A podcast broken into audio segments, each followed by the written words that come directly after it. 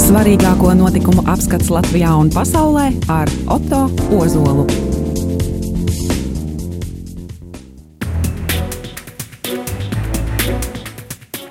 Labdien, cienījamie radījumi arī klausītāji! Ar kārtējo mēnešu svarīgāko notikumu apskatu studijā atkal es, Otto Ozols. Atgādinu, ka šo apskatu esmu radījumā arī Viļņos katru mēnešu pirmajā pirmdienā, pulkstens piecos pēcpusdienā. Nākošās nepilnas stundas laikā centīšos apskatīt daļu no mūsuprāt ievērības cienīgajiem notikumiem septembra mēnesī Latvijā un pasaulē. Daži no šodienas tematiem runāsim par, protams, pāvesta vizīti Latvijā un tās nozīmi, gaidāmajām vēlēšanām, domāsim arī par vienu no vislielākajiem grēkiem ģimenē, uzzināsim arī par vislielāko svārstu pasaulē, kas varētu parādīties tuvākajā laikā Rīgā, Latvijā. Tāpat runāsim par radikālis, radikālismu pieaugumu Eiropas vecākajās un lielākajās demokrātijās. Un vēl, kā un kāpēc Putins sācis iet Brežņevu pēdās. Par šiem un citiem tematiem turpmākajā stundā Radio Marija svarīgāko mēnešu notikumu apskatām. Mazliet atkāpjoties no ierastās tradīcijas, apskats sāksim nevis chronoloģiski, tas ir no septembra sākuma, bet gan ar aktuālāko un svarīgāko. Aktuālākais ir, protams, pavisam drīz gaidāmās vēlēšanas, un svarīgākais - pāvesta Franciska vizīte Baltijas valstīs. Tātad Pēc nepilnas nedēļas, 6. oktobrī, visi atbildīgie tie, kuriem nav vienaldzīgs mūsu kopīgās zemes, valsts, Latvijas liktenis, dosies uz piesājums vēlēšanu urnām. Kāda ir šobrīd situācija, ja spriež pēc reitingiem? Latvijas sabiedriskais mēdījis LSM ziņo, ja saimnes vēlēšanas notiktu rīt, parlamentā visticamāk iekļūtu septiņas partijas. Šādu ainu atklāja partiju reitingu, ko laika posmā no 8. līdz 18. septembrim veids pētījuma centrs SKDS pēc Latvijas televīzijas pasūtījuma. Lielākais atbalsts aizvien būtu partijai saskaņas ar 17,2%, taču tā piedzīvojas arī lielākās izmaiņas starp partijām ar minus 4,3% punktu kritumu. Nedaudz atbalsts sarucis arī Zaļo un Zemnieku savienībai, ko izvēlējušies 9,4%. Kritums ir par 2,1% salīdzinot ar iepriekšējo mēnesi. Gan drīz nemainīgs atbalsts ir Nacionālajai apvienībai, ar 6,9%, tas ir te ir 7%, un viņiem ir pat neliels pieaugums par 0,8% punktiem. Toties mazliet sarucis atbalsts partijai KPVLV.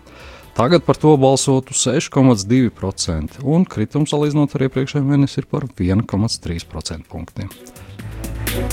Tām ar pozitīvu tendenci pret augustu aptauju seko jaunā konservatīvā partija ar 5,2% atbalstu, un pieaugums ir visai pieklājīgs 2,3% punktu. Pēc viņas seko partija apvienība attīstībai par ar 5%, un viņiem arī ir pieaugums par 1,9% punktu. Bet jauno vienotību atbalstītu 3,8% respondentu, un viņiem ir kritums mīnus 1,3% punktu salīdzinot ar iepriekšējo mēnesi. Nedaudz pieaudzis ir arī to aptaujas dalībnieku skaits, kas vēl nezina, par kuru sarakstu balsotu. Tādu ir ceturtā daļa - 25,5%, un viņu skaits ir pieaudzis par 2,5% punktiem. Bet 12,7% aptaujoto pateica, ka nepiedalīsies vēlēšanās. Tiesa šo cilvēku skaits ir sarucis par 0,7% punktiem. Ja neizlēmās šo balsu sadalīt tieši proporcionāli savu izvēli izdarījušiem, saimā tad iekļūtu septiņas partijas. Un tātad saskaņā ar septembrā reitingiem, kas, protams, nevienmēr ir precīzi, bet tikai var iezīmēt iespējamo nākamo saimnu sastāvu, tad tā varētu izskatīties sekojoši. Lielākā frakcija būtu partijas saskaņa ar 27 vietām. Pēc viņiem sekot Zaļo un Zemnieku savienību ar 15 vietām saimām. Pēc viņiem uzreiz sekot Nacionālā apvienība ar 11%, jeb 11 vietām saimā. Pēc viņiem tūlīt pat uz pēdām sekotu KPVLV ar 10 deputātu krēsliem. Pēc viņiem turpat sekot jaunā konservatīvā partija ar 8 līdz 9 vietām. Līdzīgs vietu skaits varētu būt arī partija apvienībai attīstībai par. Viņiem varētu būt 8 deputāti nākošajā saimā. Savukārt partija jaunā vienotība varētu rēķināties aptuveni ar 6 līdz 7 vietām. Šādi rēķinot pārmērīgi tālu no 5% barjeras nebūtu arī Latvijas reģiona apvienība, kurai ir 3,6% šobrīd atbalsts. Bet 2% robeža, kas pēc reālā vēlēšana rezultāta ļautu saņemt valsts finansējumu šajā aptaujas griezumā, pārsniedz arī Latvijas Krievijas Savienība, kurai šobrīd ir 2,8% atbalsts, un no sirds Latvijai. Ļoti tuvu ir arī progresīvie. Viņiem ir 1,9% atbalsts. Tātad ir visas iespējas, ka viņi varētu tikt pie valsts finansējuma vismaz, ja ne pašā saimā. Šo aptauju veica pētījuma centrs SKDS pēc Latvijas televīzijas pasūtījuma. Aptauja notika no 8. līdz 18. septembrim, veikta visā Latvijas teritorijā, klātienē aptaujot teju tūkstošu pilsoņu. Šajā vietā gan es gribētu jums atgādināt, kā reiz teica pats SKDS vadītājs Arnēs Kaktiņš, ka visi reitingi ir, teiksim tā, vakardienas fotografija. Situācija vēl var mainīties, un tieši jūsu balss var izšķirt, uz kuru pusi un kā viņi varēs mainīties. Protams, ja jūs izdarīsiet atbildīgu lēmumu un piedalīsieties vēlēšanās.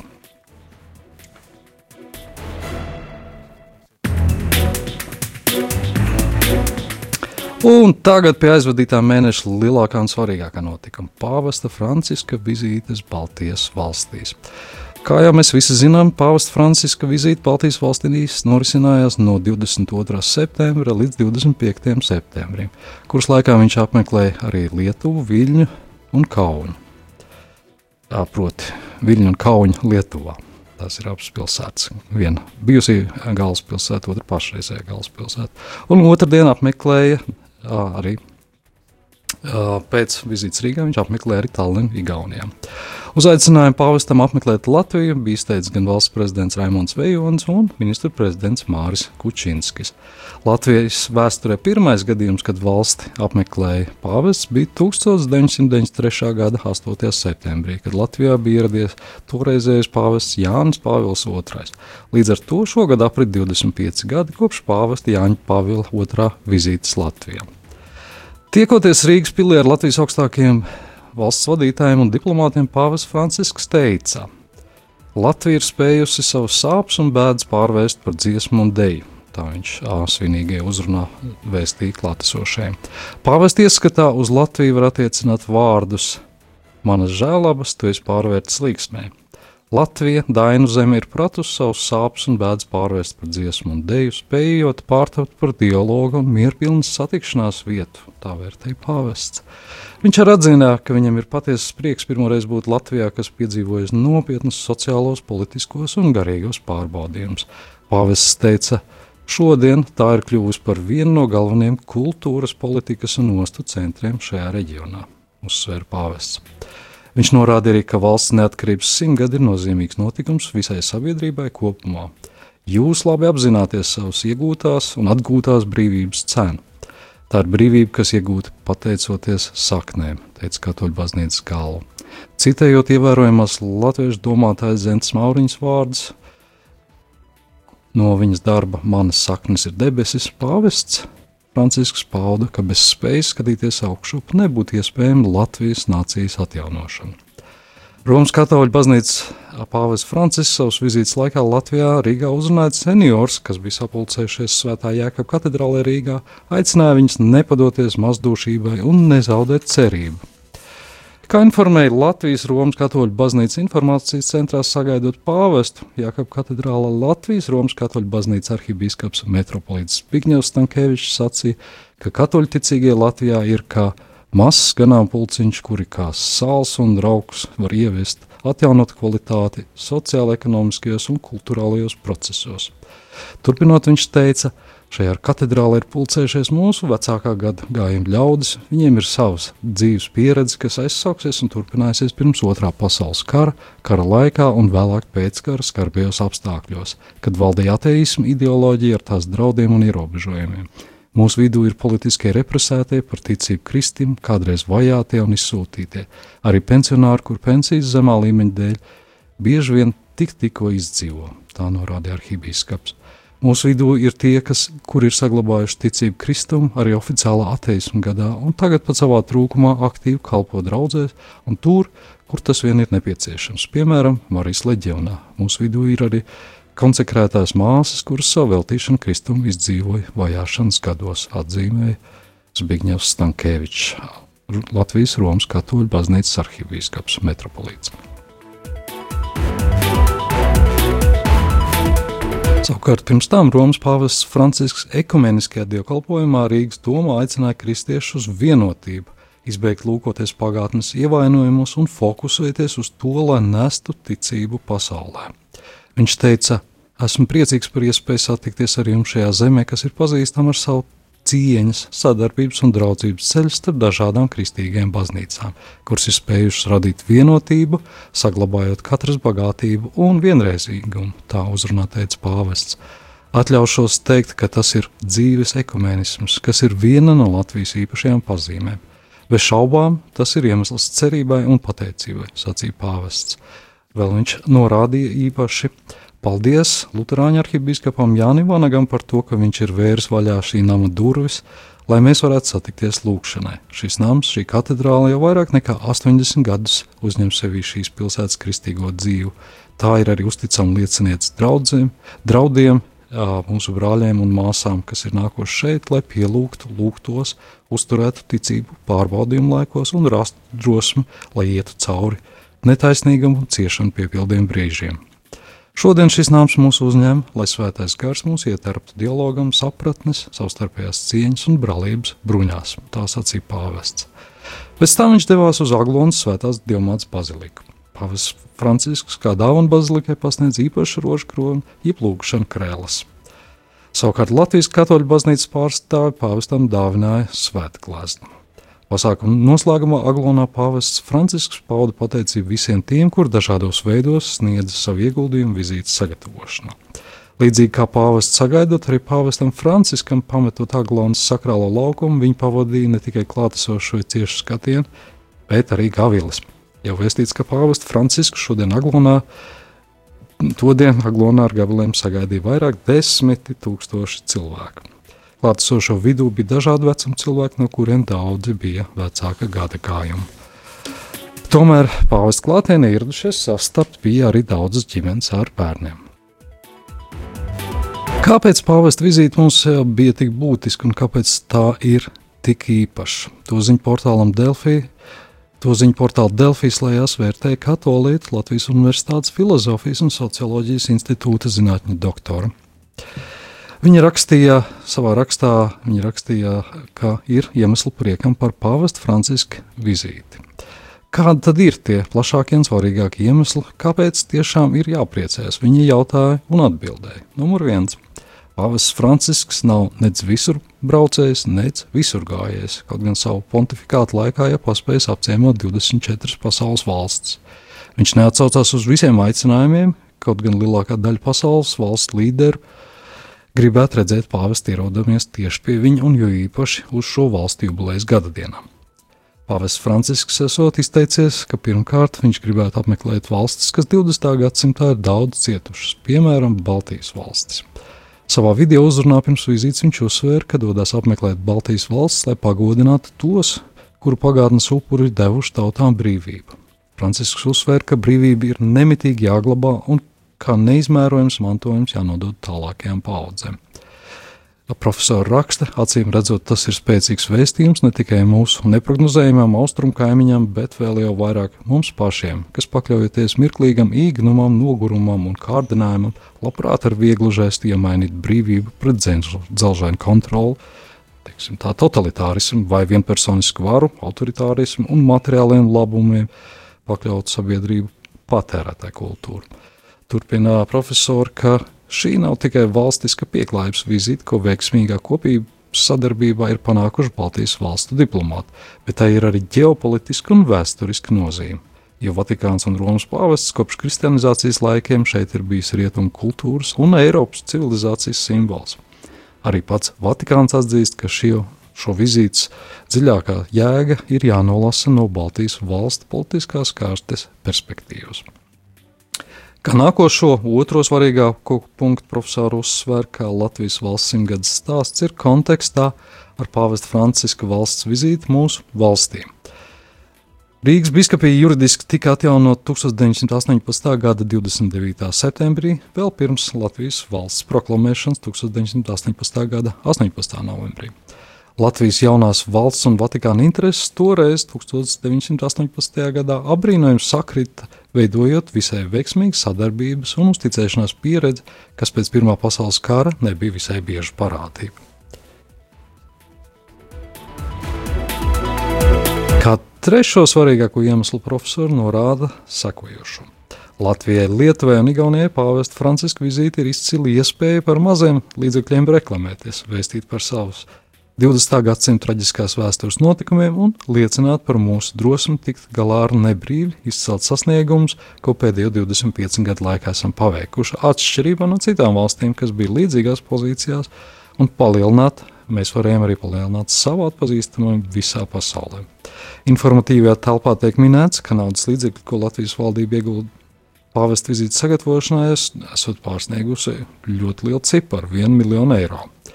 Vērtīgi, profesori norāda, vērtīgi bija pamanīt, ka vismaz viņas Facebook kontaktos tie, kas sūdzējās vai dalījās par pāvesta Francijas vizītes izmaksām, bija vieni un tie paši, kas pirms tam bija sūdzējušies, piemēram, par dziesmu un deju svētku izmaksām, vai arī likuši fotografijās, kurās ir attēlots Krievijas bedrainās pilsētas vai noplukušās slimnīcas palātas, mēģinot pierādīt, ka tas viss ir atrodams Latvijā.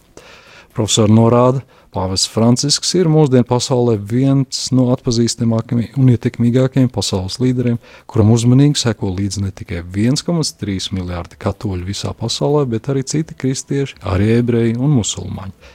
Es no to uzos no savu puses piebilstot, varu teikt, ka liela daļa no šiem miljoniem tika investēta vidas sakopšanā un palika Latvijā arī pēc pāvesta aizbraukšanas.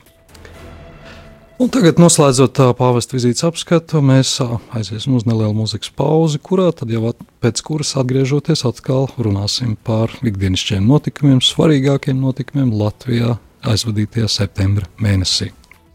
Svarīgāko notikumu apskats Latvijā un pasaulē ar Oto Ozolu.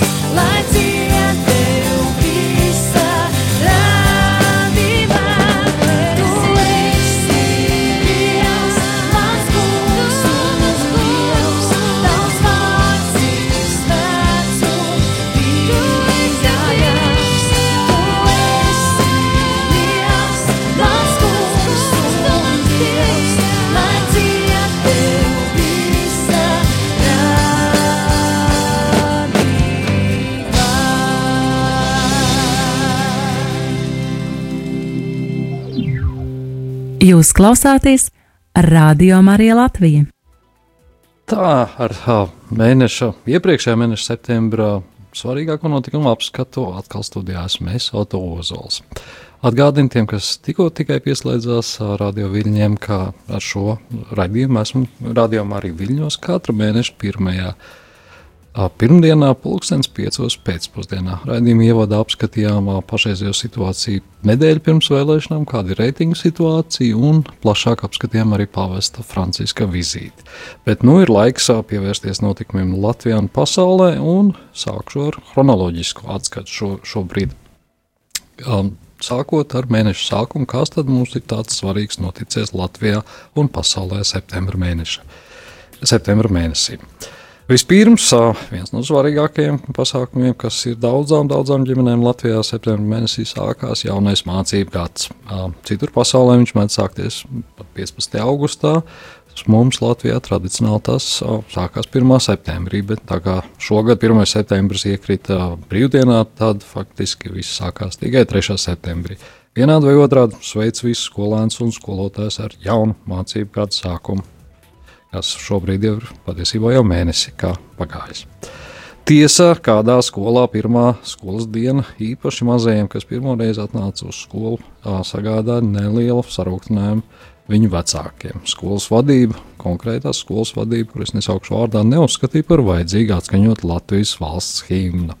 Izglītības ministrija aizrādīja, ka to vajadzētu darīt gan pašsaprotamā kārtā, gan arī saskaņā ar likumu.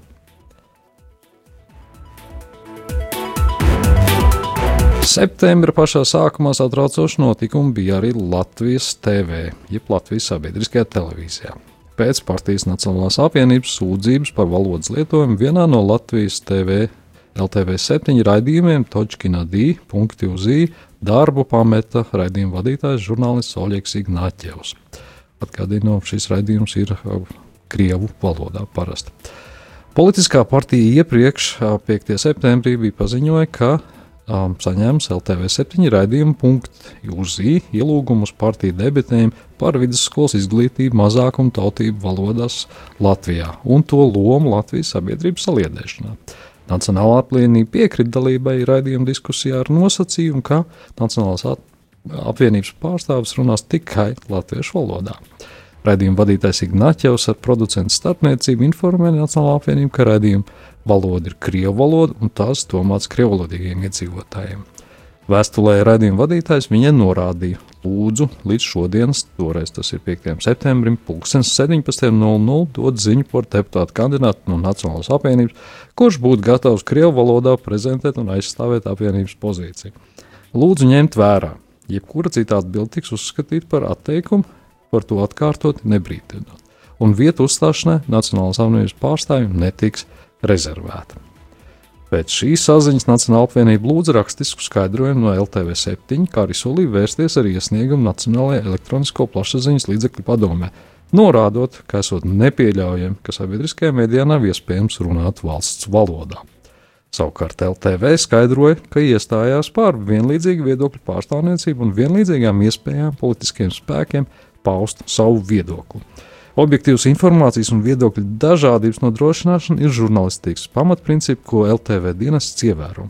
LTV ziņu dienesta principi arī nosaka, ka gadījumā, ja raidījumā, kura pamatvaloda ir krievu valoda, piedalās viesis, kurš krievu valodu nepārvalda vai nevēlas runāt krieviski, LTV nodrošina latviešu krievu valodas tulku.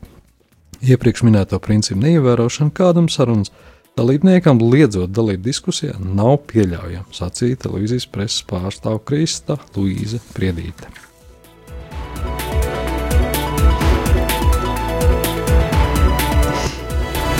Septembrī liels notikums, ļoti liels darījums notika banku sektorā. Luminor, viena no vadošajiem finanšu pakalpojumu sniedzējiem Igaunijā, Latvijā un Lietuvā, 13. septembrī paziņoja par jaunu strateģiskas korporatīvās partnerattiecības uzsākšanu ar konsorciju, kura vadība būs pasaulē vadošais investīciju fonds Blackstone Group. Darījuma ietvaros Blackstone iegādājas 60% Luminor akciju un kļuva par vairākumu akciju īpašnieku līdzās bankas pašreizējiem akcionāriem Nordea Banka AB un DNB Banka ASA, jeb DNB. Šīs ir pēdējās desmitgadēs vērienīgākais privātā kapitāla fonda bankas vairākuma akciju iegādes darījums Baltijas reģionā. Toties 15. septembrī turpinājās priekšvēlēšana kaislības pār izglītības jautājumiem. Rīgā Krievijas skolu aizstāvju protesta pasākumā pulcējās apmēram 2500 dalībnieki. Gājienā sākumā dalībnieku skaits bija apmēram 1000 cilvēku, bet gā, vēlāk gājienam pievienojas vēl dalībnieki. Valsts policijas pārstāvs sacīja, ka gājienā piedalījās apmēram 5000 dalībnieku, taču vēlāk preses pārstāve Gita Žibovska precizēja, ka pasākumā piedalījās tikai aptuveni 2500 cilvēki.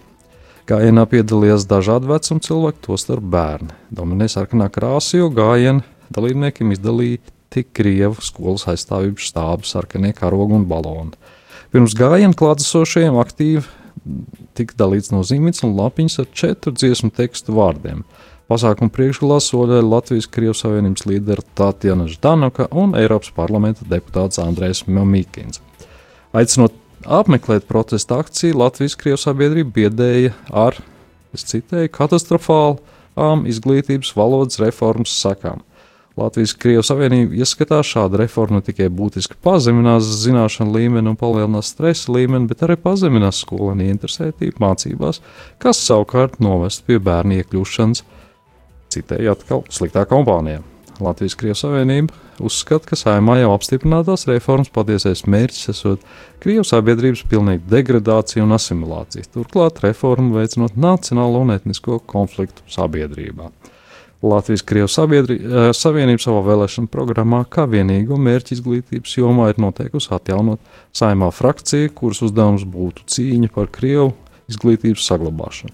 Savā programmā viņi sola turpināt ar vien stiprākas masu akcijas valsts pilsētu ielās. Te gan der atzīmēt, ka vēl pirms gada diviem startautiskajā ziņojumā par mazākumu tautību tiesībām Latvijā aptaujā noskaidrojas, ka jaunieši no 18 līdz 24 gadu vecuma, vismaz 23% no viņiem latviešu valodu nezina pietiekami labā līmenī. Tas nozīmē, ka 5. un 4. daļa krievu skolu beidzējiem nav spējīgi uh, sazināties pilnvērtīgi latviešu valodā, kas nozīmē viņu izstumtību no darba tirgus, sociālās, politiskās un, uh, nu, teiksim, tā aplaupa viņu nākotnes izredzes. Par šo statistiku Latvijas-Krievijas Savienība neko nesaka vai ignorē.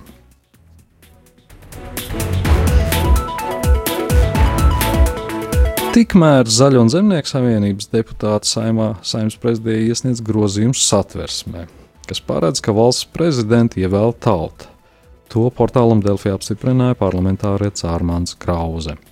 Šobrīd satversmē ir noteikts, ka valsts prezidenti ievēlē aizklāti, balsojot ar ne mazāk kā 51 saimnes locekļu balsu vairākumu. Taču grozījumi paredz noteikt, ka valsts prezidents ievēl Latvijas tautu uz četriem gadiem vispārīgās, vienlīdzīgās, tiešās un aizklātās vēlēšanās. Tāpat likumprojekts paredz, ka pēc ne mazākā puses visu saimnes locekļu priekšlikumu var rosināt valsts prezidenta atlaišanu. Par to pēc tam deputāti lemtu slēgtā saimnes sēdē, un ar ne mazāk kā divu trešdaļu saimnes locekļu balsu vairākumu varētu nolemt rosināt valsts prezidenta atlaišanu. Savukārt pēc tam būtu izdarām tautas nobalsošana. Kā portālam Delfī norādīja Krause, Latvijas Zemnieku savienība, viena no ZZS kodolpartijām, vienmēr ir iestājusies pār tautas vēlētu prezidentu. Viņš teica, mēs vēl joprojām uzskatām, ka tautai ir jādod tiesības vēlēt prezidentu. Tāpēc, ņemot vērā, ka tas viss ir aktuāli, mēs iesniedzam likumprojektu, norādīja deputāts. Jāatzīmē, ka šobrīd saimā notiek darbs pie grozījumiem satversmē, kas pārēdz atklāt valsts prezidenta ievēlēšanu. Tiesa to darītu joprojām deputāti, tikai to darīt atklātā veidā. Iepriekš šis balsojums bija uh, slēgts. Uh, nevis slēgts, bet uh, aizklāts. Neviens nezināja, kurš deputāts kā ir balsojis par kādu prezidentu. Vēl septembrī uzzinājām, ka septiņu gadu laikā no Rīgas uz dzīvi citvietu pārcēlušies 80 tūkstoši cilvēku. Septiņu gadu laikā no Rīgas uz ārzemēm vai citām Latvijas novadiem kopumā pārcēlušies, jā, precīzāk sakot, 78,692 cilvēki. Tā liecina Centrālās statistikas pārvaldes mājaslapa. Pēc pārvaldes datiem laika posmā no 2011. līdz 2018. gadam no Rīgas uz ārzemēm pārcēlušies 38,000 cilvēki, bet no Rīgas uz citām Latvijas pašvaldībām 40,000 cilvēki. Visvairāk cilvēku no Rīgas pārcēlušies uz Jūrmālu, kopumā 4400 cilvēku. Nākamais lielākais aizceļošie skaits ir uz Mārupas un Cārnikaus novadiem. Uz abām vietām pārcēlušies gandrīz 3000 rīdzinieku. Viens no iemesliem, kādēļ cilvēki izvēlās pārcelties no vienas pašvaldības uz otru, ir konkrētās pašvaldības attieksme pret ģimenēm ar bērniem.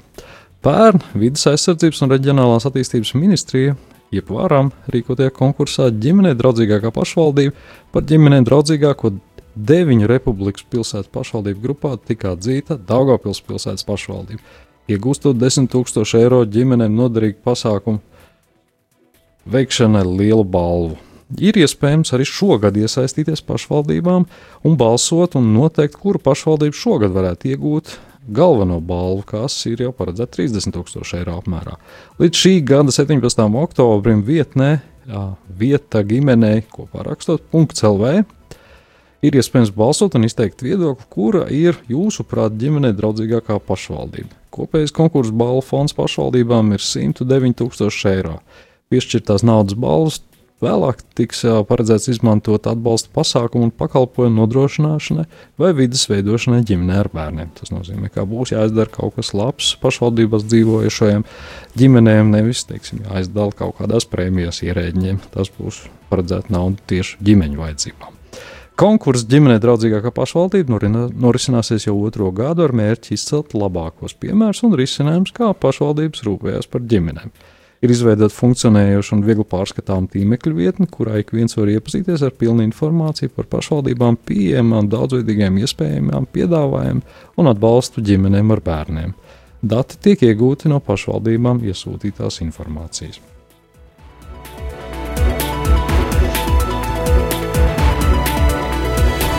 Vēl septembrī uzzinājām par kādu ļoti satraucošu statistiku Latvijā. Aptauja liecina, ka Latvijā jauniešu vidū visvairāk smēķē tieši meitenes. Latvijā smēķē pusi jauniešu vecuma grupā no 18 līdz 24 gadiem. Turklāt 28% no viņiem smēķē regulāri. Tā liecina jaunākais uh, indeks, mana aptiek un apoteka veselība. Ir tāds pētījuma indeks.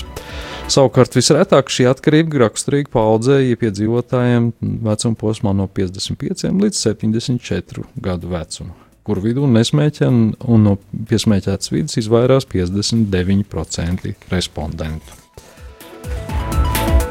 Latvijas narkoloģa asociācijas vadītāja narkoloģe Astrīda Stīrna atzīst, ka smēķēšana jauniešu vidū ir Latvijā ir aktuāla problēma. Kad jaunietis cieši no atkarības, būtiski ir saprast iemeslus. Tas var būt psihoemocionāls dabas problēmas, iespējams, ka jauno cilvēku kaut kas nomāca. Viņš ar šiem pārdzīvojumiem netiek galā, tāpēc glābiņu meklē nomierinošās vielās. Šajā gadījumā tā ir cigarete.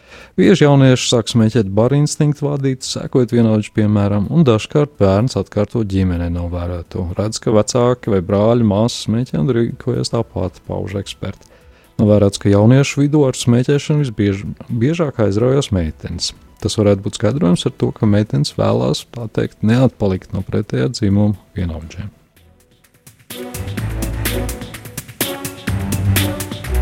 Savukārt, ekonomikā septembrī bija arī labas ziņas.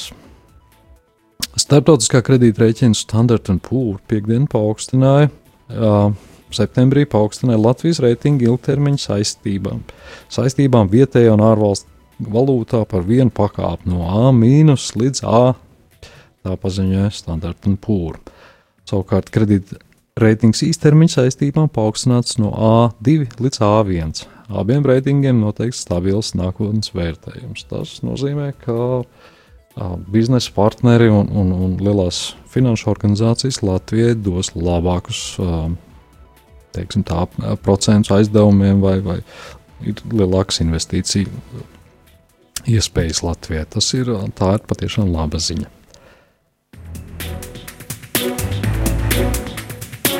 Savukārt nepatīkama ziņa septembra otrā pusē bija politiskās partijas KPV LV līderim Aldim Kopzemam. Latvijas zvērnāta advokāta padomē ir ierosināta vēl viena disciplināra, pret, disciplināra lieta pret viņu, kurš ir arī saimnes deputāta kandidāts no šīs partijas. Tā liecina internetu vietnē publiskotais advokāta padomus lēmums. Tajā norādīts, ka lieta ierosināta pēc ārstes Indras Stelmans iesnieguma. Iesniegumā norādīts, ka Gobsens esat nekorekti izturējies pret civilietas, kurā Stelman bija viena no atbildētajiem dalībniekiem. Piemēram, Gobsens esat atbildētajiem norādījis, ka Citēju, informācijas publiskošana ir apzināti ieplānota šī gada septembrī pirms saimnes vēlēšanām, kas ir priekšvēlēšanu saspringtākais laiks. Advokātu padomus lēmumā ir norādīts, ka Gobzemes padomē vēl nav sniedzis paskaidrojums.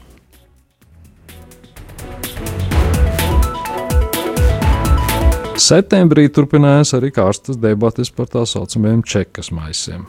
Mēs uzzinājām, ka Saimnes aizsardzības birojas ir pret bijušās valsts drošības, jeb čekas kartoteks publicēšanu internetā. Tā žurnālistiem pēc Saimnes cilvēktiesību un sabiedrisko lietu komisijas sēdes liecināja biroja priekšnieks Jānis Maizīts. Mēs uzziņojam, ka pagājušā gada. Uh, ka pagājušajā mēnesī Saima otrajā lasījumā ir atbalstījusi priekšlikums par publicējumiem VDK dokumentiem. Paredzēts, ka jau šogad Latvijas Nacionālais arhīvs internetu vietē varētu publicēt vairākas VDK dokumentu grupas.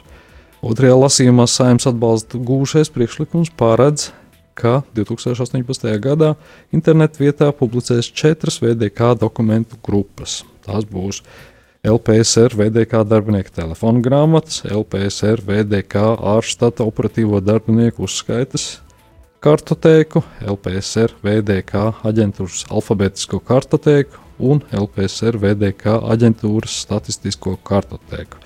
Sāpju priekšnieks Jānis Maiznīts klāstīja, ka satversmes aizsardzības birojas vienmēr ir bijis kritisks pret VDK dokumentu publiskošanu. Viņš aicināja apzināties, ko nozīmē tīmeklis, internets un ka tur iespējams manipulēt ar informāciju, to dzēšot un izmainot. Sāpju priekšnieks uzsver, ka to var izmantot Latvijai nedraudzīgas valstis.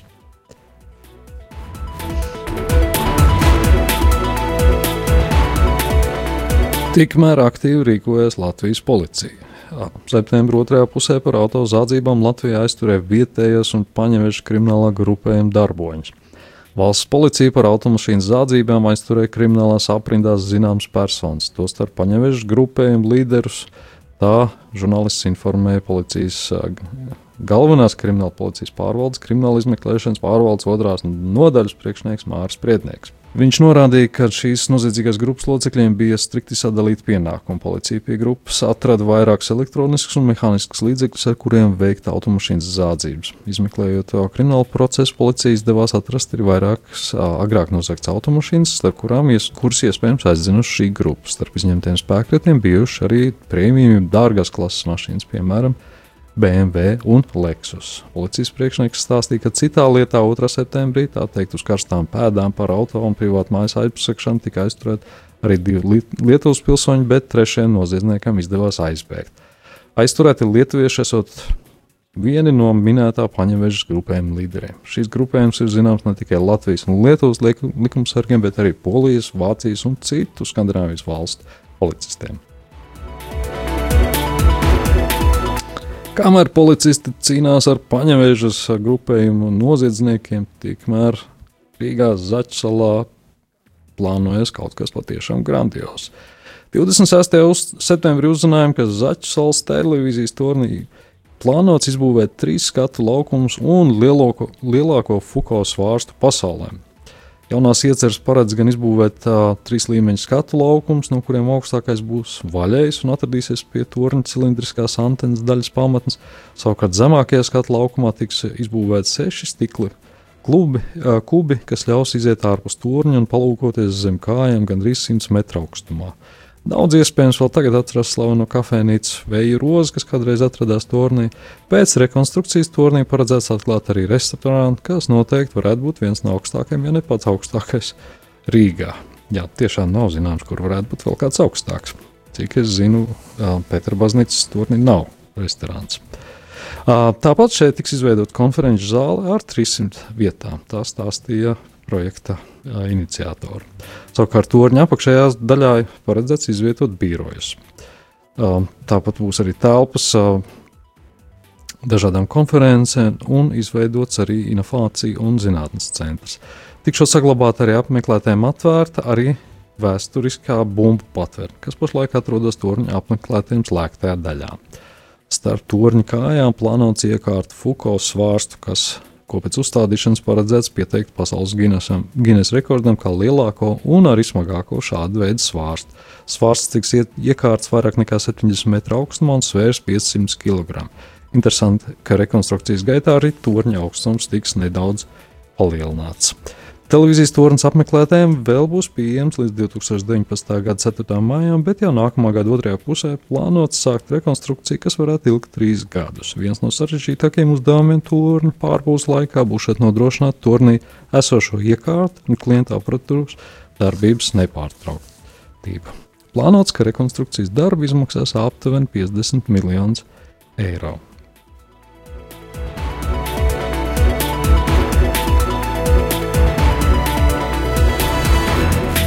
Tikmēr uzzinājām jaunums, ko domā par, par lielākiem grēkiem ģimenē. Tos um, nesen publiski pauda priesteris Andrejs Mēdiņš. Viņš teica, ka viens no lielākajiem tēva grēkiem ir nebūšana kopā ar saviem bērniem. Katoļu priesteris Mēdiņš uzskata, ka vecāki, tīpaši tēva, vislielākais grēks ir kopā nebūšana ar saviem bērniem. Viņš norāda, ka tieši no šāda attiecību modeļa radās nākamie bezatbildīgie un gļēvie vīrieši. Radījumā sieviete personīgi mediņš atklāja nepareizās darbības vīriešu izpildījumā. Viņš stāstīja, ka šie vīrieši ātri cenšas tikt vaļā no atbildības, visu nogrūst sieviete. Viņš, piemēram, ir atnācis mājās, viņš ir strādājis pa dienu, tagad viņš noliek naudas čupu un saka, zini, tagad man labs vakariņas, profesionāls seks un mierīgi vakar pie televizora. Tā stāstīja katoļu priesteris. Bet viņš norādīja, ka vīrietiem, šādiem vīriešiem neinteresē laiks pēc darba kopā ar bērniem. Viņš šķiet, ka viņš sev realizē, savu artavu ir nolacis, viņš strādā un atdod visu, ko sieva vēlās. Tad vēlāk sievietei tālāk jātiek galā ar visu pašu. Pašai mājasēmniecību, bērnu audzināšanu, apģērbšanu, mācīšanos un vispārējo. Bet viņš norāda, ka tēva vislielākais grēks, kā jau minēju, ir kopā nebūšana ar saviem bērniem. Tieši no šāda attiecību modeļa rodas nākamie bezatbildīgie un gļēvie vīrieši. Un visbeidzot, skatoties uz, uz septembra notikumiem, ir arī kāda skumja ziņa. Septembra beigās mūžībā aizgāja bijušais saimnes, sastāvs deputāts uzņēmējs Valdis Krisbergs. Krisbergs esot miris pēkšņā nāvē. Krisbergs 1995. gadā tika ievēlēts 6. saimā no Demokrātiskās partijas saimnieks saraksta. Vēl pirms tam, pēc 1994. gada pašvaldību vēlēšanām, bijis arī Rīgas domas deputāts, kā arī strādājis partijas saimnieks frakcijā. Daudzi viņu atcerās arī kā komercfirmas auseklītes vadītāju, kas vēlāk kļuva par akciju sabiedrību, bet pēc desmit gadiem tika likvidēta. Vecāka gadagājuma cilvēki viņu iespējams atcerās, ka padomju okupācijas laikos Valdis Krisbergs bija aktīvs dažādu ģimenisko pasākumu fotogrāfs. Līdzjūtība Valda Krisberga ģimenei un palicējiem.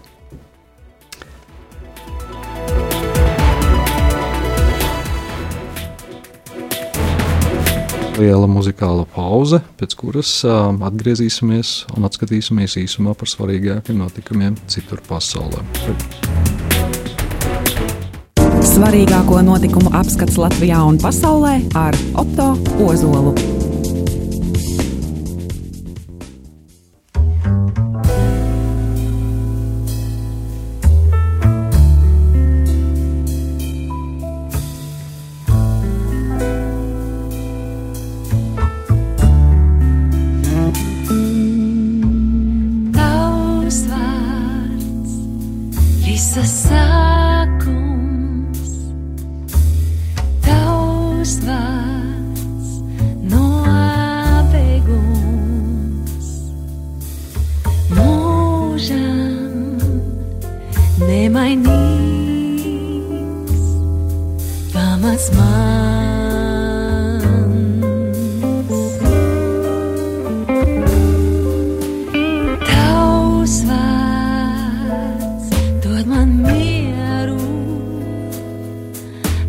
Bez tā dzīvot nevaru. Aizdzen bailes prom,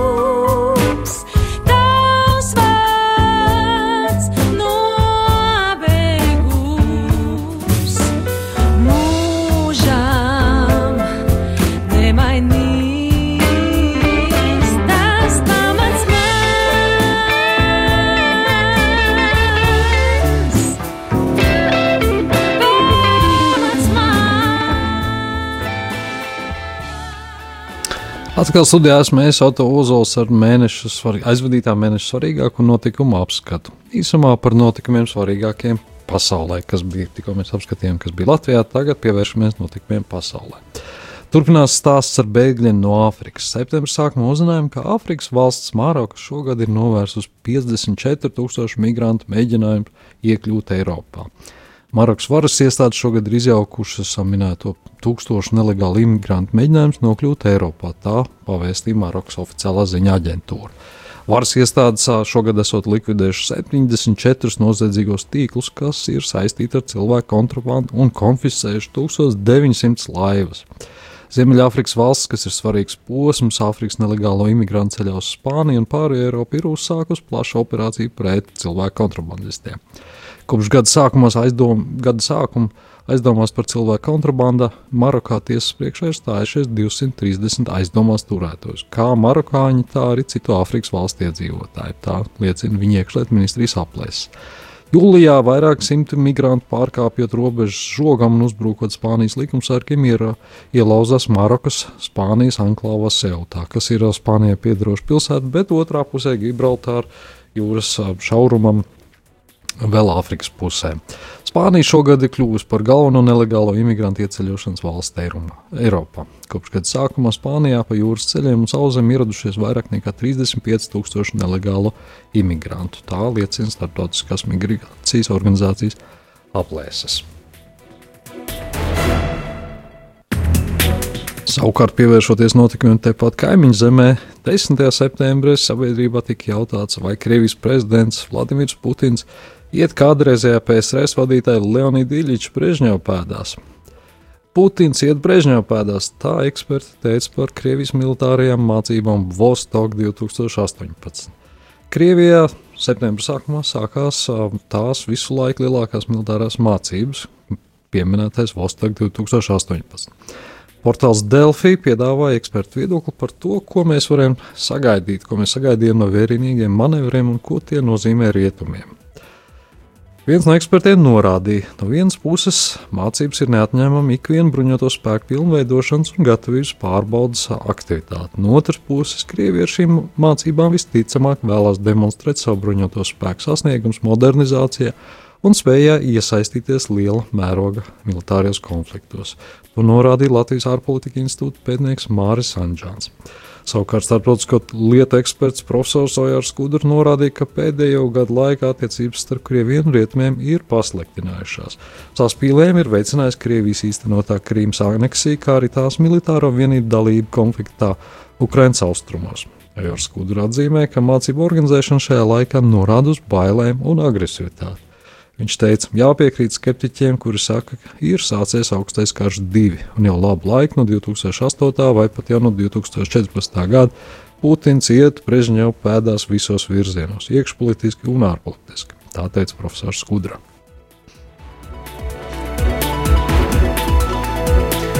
Septembrī otrā pusē uzzinājām arī par milzu skandālu Igaunijas un Dānijas bankās. Izmeklēšanā par naudas atmazgāšanu Dānijas bankā Danska Banka Igaunijas filiālē tiek pētīts nerezidenta transakcijas 150 miljārdu ASV dolāru apmērā. To rakstīja avīze The Wall Street Journal, atsaucoties uz informētiem avotiem. Šīs transakcijas notikušas laika posmā no 2007. līdz 2000. 2015. gadam. Laikraksts norāda, ka tā ir iespaidīga summa, ņemot vērā, ka noguldījuma kopapmērs Igaunijas bankās ir tikai 17 miljardi eiro. Izmeklētāji gan vēl nav noskaidrojuši, vai visi 150 miljardi dolāru uzskatām par aizdomīgas izcelsmes naudu. Tomēr šāda summa liek domāt, ka caur Danska banka Igaunijas filiāli atmazgātās summas varētu būt lielāka nekā 8 miljardi eiro, ne, kā iepriekš bija ziņojis Dānijas presa. Satraucošas ziņas ir arī vienai no pasaules un Eiropas ietekmīgākajām sievietēm Vācijas kanclerē Angelē Merkelē. Izrādās, ka Vācijas kanclers Angels Merkels koalīcija, valdības koalīcija zaudē atbalstu vēlētāju vidū. Savukārt atbalsts labējai partijai, alternatīva Vācijai, jeb AFD pieauga. Tā liecina aptauju dati. Ja notiktu vēlēšanas, Merkels kristīgie demokrāti, Bavārijas Kristīgā sociālā savienība un centriski kreisie sociāldemokrāti saņemtu 45% balsu, liecina raidorganizācijas ARD veiktās aptaujas.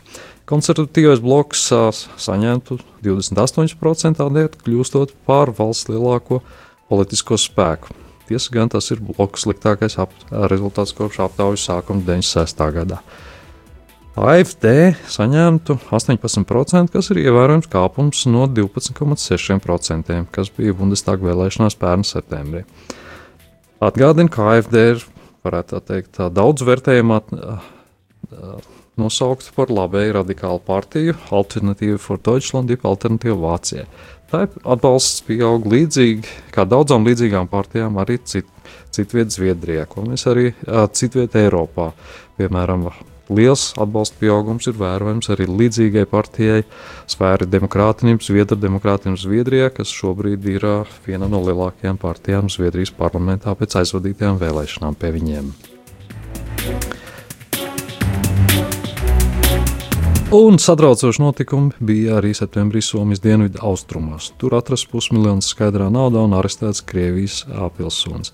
Somijas likums e Likumsargi septembra beigās plašā operācijā valsts dienvidu rietumos atrada lielas naudas summas un aizturēja vairākas naudas atmazgāšanā aizturētos. Tā vēstīja laikraksts Helsinki Time. Policija atklāja, ka nauda atrasta plasmas maisā, nenosaucot konkrēti tās atrašanās vietu. Mēs konfiscējam tikai tik daudz dokumentu un datu nesēju, ka to pārbauda aizņems kādu laiku, iespējams, vismaz līdz nākamā pavasara beigām. Tā ziņoja Nacionālās biro, izmeklēšanas biroja priekšnieks. Birojas pirmdien paziņoja, ka ir izdoti aresta orderi divi ar izmeklēšanu saistītas kompānijas darbinieku arestēm, no kuriem viens ir Igaunijas, bet otrs Krievijas pilsonis. Trešais aizdomās turētais vēlāk tika atbrīvots. Policija nav atklājusi par kādu uzņēmumu ir runa, bet mēdī ziņo, ka izmeklēšanas centrā ir ar Krieviju saistīta kompānija Aristona Helmija. Tas tad arī viss par uh, svarīgākajiem notikumiem Latvijā un uh, pasaulē. Aizvadītajā septembra mēnešā mēs ar šo pašu raidījumu tiekamies atkal pēc mēneša, uh, nākamajā mēneša pirmajā pirmdienā, pulkstenis piecos. Bet rītdien būs piecos vakarā. Es šeit atkal būšu studijā, un mums būs beidzamās priekšvēlēšana politiskās diskusijas ar partiju pārstāvjiem. Mēs viņiem jautāsim, kā kāda ir viņa skatījuma uz uh, lielākajiem un svarīgākajiem Latvijas valsts attīstības vērtībām. Paldies par uzmanību! Studijā bija es Auto Ozols, uz tikšanos jau pavisam drīz. Svarīgāko notikumu apskats Latvijā un pasaulē ar Otto Ozolu.